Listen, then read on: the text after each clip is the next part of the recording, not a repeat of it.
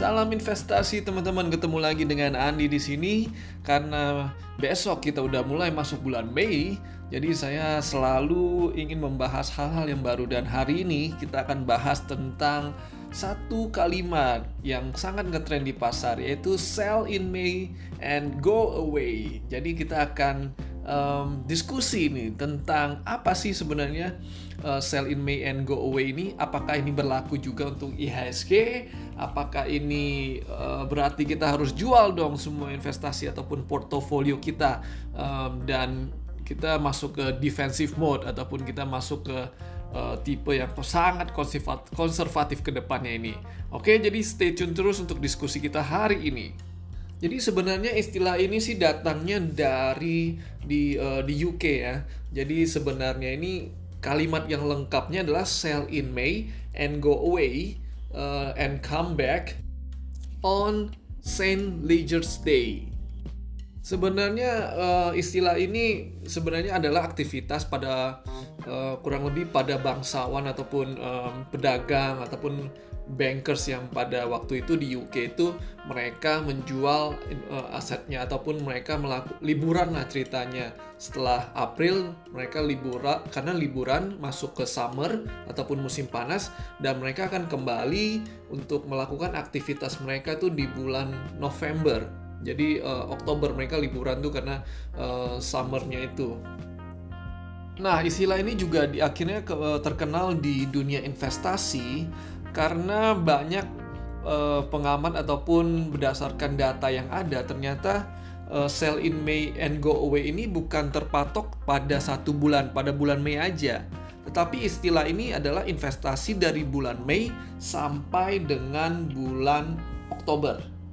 Ya jadi uh, ada uh, teori ataupun uh, pendapat yang mengatakan bahwa kinerja suatu uh, perusahaan ataupun suatu indeks itu uh, biasanya pada bulan Mei, pada periode bulan Mei sampai dengan Oktober itu cenderung lebih rendah performance-nya dibandingkan dari bulan November sampai bulan April.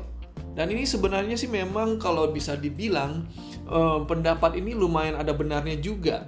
Karena kalau berdasarkan um, data yang ada yang yang yang saya lihat sekarang ini kalau di indeks di Dow Jones ini kurang lebih performance-nya itu di bawah ya. Uh, jadi periode Mei sampai Oktober itu kinerja rata-ratanya itu di bawah ataupun lebih kecil di sekitar satu persen dibandingkan dengan kinerja pada bulan November sampai April ya itu rata-rata dia sekitar uh, hampir tujuh setengah sampai eh, delapan persenan lebih jadi berdasarkan data ini banyak, um, makanya istilah ini terkenal juga cenderung um, terjadi di di Amerika ketika masuk bulan Mei karena kan gini loh ceritanya dari bulan November sampai bulan April tuh kenaikannya udah cukup besar.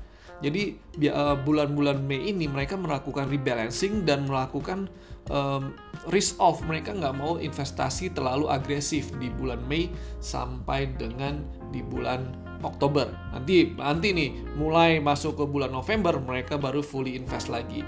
Mungkin ada terkait juga dengan uh, kalau di Amerika dengan liburan uh, musim panas mereka. Jadi mereka spend uh, mereka melakukan spending lebih terhadap keluarganya mereka. Mereka mengajak keluarganya untuk jalan-jalan uh, keluar. Mereka menghabiskan waktu untuk berkumpul bersama keluarga, makan ataupun membeli sesuatu. Jadi tidak uh, dan biasanya ini terkait dengan libur sekolah juga mereka mengajak anak-anak mereka untuk melakukan aktivitas. Jadi secara langsung mereka mengurangi investasi mereka dan lebih mengutamakan spending untuk lifestyle mereka, untuk kebutuhan mereka.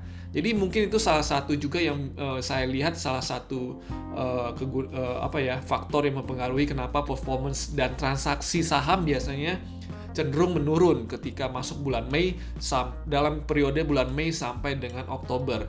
Dan kalau uh, mungkin juga kalau di Indonesia uh, terkait juga ya, karena apa? Bulan ini kan bulan liburan anak nih. Cenderung kalau kita masuk ke tahun ajaran yang baru, para orang tua tuh cenderung um, uh, harus membayar untuk uang sekolah, uang pangkal ataupun kebutuhan uh, sekolah, uang buku dan yang yang lain-lainnya. Jadi mungkin mau nggak mau sebab harusnya porsi investasi yang diinvestasikan itu lebih banyak untuk periode-periode periode tersebut dikurangkan atau dikurangi untuk memenuhi kebutuhan yang lain. Uh, dan ini sebenarnya terjadi juga, tapi bukan bukan di bulan Mei-nya. Sebenarnya di ISG uh, eh, sama seperti Dow Jones dan indeks di S&P 500 di Amerika sana, ISG itu dalam periode Mei sampai dengan Oktober itu cenderung uh, performance-nya lebih rendah dibandingkan November periode November sampai dengan April ya. Kurang lebih kalau kita lihat 10 sampai 15 tahun ke depan ini. Jadi bukan hanya dilihat bulan Mei-nya tapi kalau kita lihat uh, di bulan Mei-nya itu sendiri, sebenarnya dari 15 tahun terakhir ini uh, persentase IHSG itu naik ya ataupun IHSG itu hijau pada bulan Mei itu, man on man itu kurang lebih sampai uh, 60 sampai 65 persen. Jadi dengan kata lain apa? Um, untuk bulan Mei ini nggak nggak nggak hanya berlaku satu bulan, jadi memang benar sell in May and go away ini lebih ber, uh, meng, mengarah ke periode Mei sampai dengan Oktober. Ingat, Mei sampai dengan Oktober, bukan hanya di bulan Mei. Tapi karena teman-teman taunya sell in May and go and go away, wah bagi investor yang awam mereka mengira bahwa wah bulan Mei ini cenderung minus. Enggak. Kalau berdasarkan data ISG yang ada, itu tidak terjadi. Malah kecenderungannya plus lebih besar. Cuman ke depannya ini, setelah di bulan Juni, Juli, Agustus, dan September, mungkin kecenderungannya uh, tidak se, uh, sebagus bulan Mei ini. Um, jadi banyak juga nih pertanyaan nih, di kenapa ya periode bulan Mei dan Oktober sampai dengan Oktober ini cenderung dengan uh, performance yang lebih rendah dibandingkan bulan November sampai dengan bulan April. Ya tadi saya sampaikan sebelumnya mungkin satu uh, yang pertama adalah karena liburan summer jadi mereka lebih cenderung untuk mem, uh, menunda investasi mereka mereka lebih pilih untuk me, menggunakan sebagian uang mereka untuk menikmati hidup untuk uh, melakukan uh, belanja ataupun mereka melakukan traveling jalan-jalan atau mereka bisa cuti dan um, jadi dengan kata lain transaksi di pasar saham cenderung lebih turun. Yang di mana itu mengakibatkan kurang lebih uh, hasil ataupun imbal hasil dari uh, trading tersebut juga uh, lebih kecil dibandingkan uh, dengan bulan periode bulan November sampai dengan bulan April. Itu yang pertama. Yang kedua, uh, biasanya kan di April ini kan uh, Q1 result ataupun hasil laporan keuangan uh, pertama perusahaan kan semua diterbitkan. Jadi good news good newsnya semua di April nih, good and bad newsnya semua ada dimuncul di April. Dan di di bulan Mei ini biasanya ada uh, berita tentang pertumbuhan uh, growth suatu negara nih biasanya di bulan Mei hasilnya ini perkiraan kuartal pertama seperti apa. Nah, apakah ini lebih uh, bagus atau enggak tergantung ya tergantung dengan uh, negara masing-masing. Jadi itu alasan yang kedua. Dan yang ketiga menurut saya lebih karena bukan ada yang negatif antara periode bulan Mei sampai dengan bulan uh, Oktober, tetapi uh, menurut saya positif di November dengan periode November sampai April ini terkait dengan adanya window dressing. Karena kalau teman-teman masih ingat itu rata-rata di Desember itu dan Januari itu rata-rata market tuh naiknya cukup luar biasa. Karena apa perusahaan-perusahaan itu melakukan window dressing untuk mendandani laporan keuangan mereka semenarik mungkin untuk menarik uh, investor. Makanya kenapa eh, rata-rata uh, di bulan Desember itu selalu plus ya bahkan bukan hanya di ESG ataupun uh, di Dow Jones ataupun indeks-indeks yang lainnya. Jadi itu uh, menurut saya tiga hal itu yang menjadi uh, kuncinya kenapa periode uh, Mei sampai uh, Oktober ini jauh kalah dibandingkan dengan um, periode November dengan sampai April. Oke, jadi kesimpulannya adalah nggak usah khawatir tentang sell in May and go away.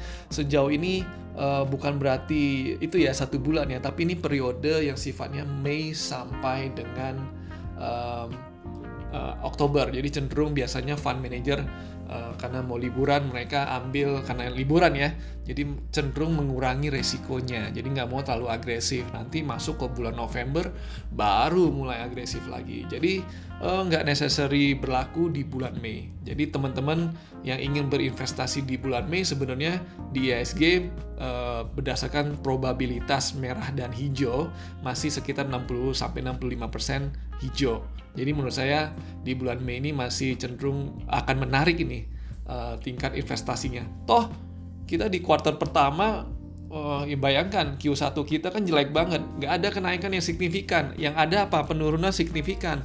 Jadi menurut saya ke depan ini akan menunjang uh, transaksi yang akan lebih menarik lagi setelah COVID-19 ini uh, apa diketemukan vaksinnya, kemudian kebijakan moneter dan kebijakan fiskal untuk menanggulangi uh, krisis finansial ataupun krisis ekonomi yang ada itu akan uh, me menggairahkan lagi nih pasar modal uh, di di dunia bukan hanya di di Indonesia di dunia. Jadi teman-teman stay invest dan jangan ragu. Kalau bagi mereka yang ragu tentang wah nggak gua nggak percaya nih sama penjelasan Andi ya udah nggak apa-apa tetap ikuti skema 442 yaitu saham 40% obligasi 40% dan uh, money market 20% atau boleh ikutin berdasarkan risk profile masing-masing Oke, teman-teman itu yang bisa saya sampaikan terkait sell in May and go away.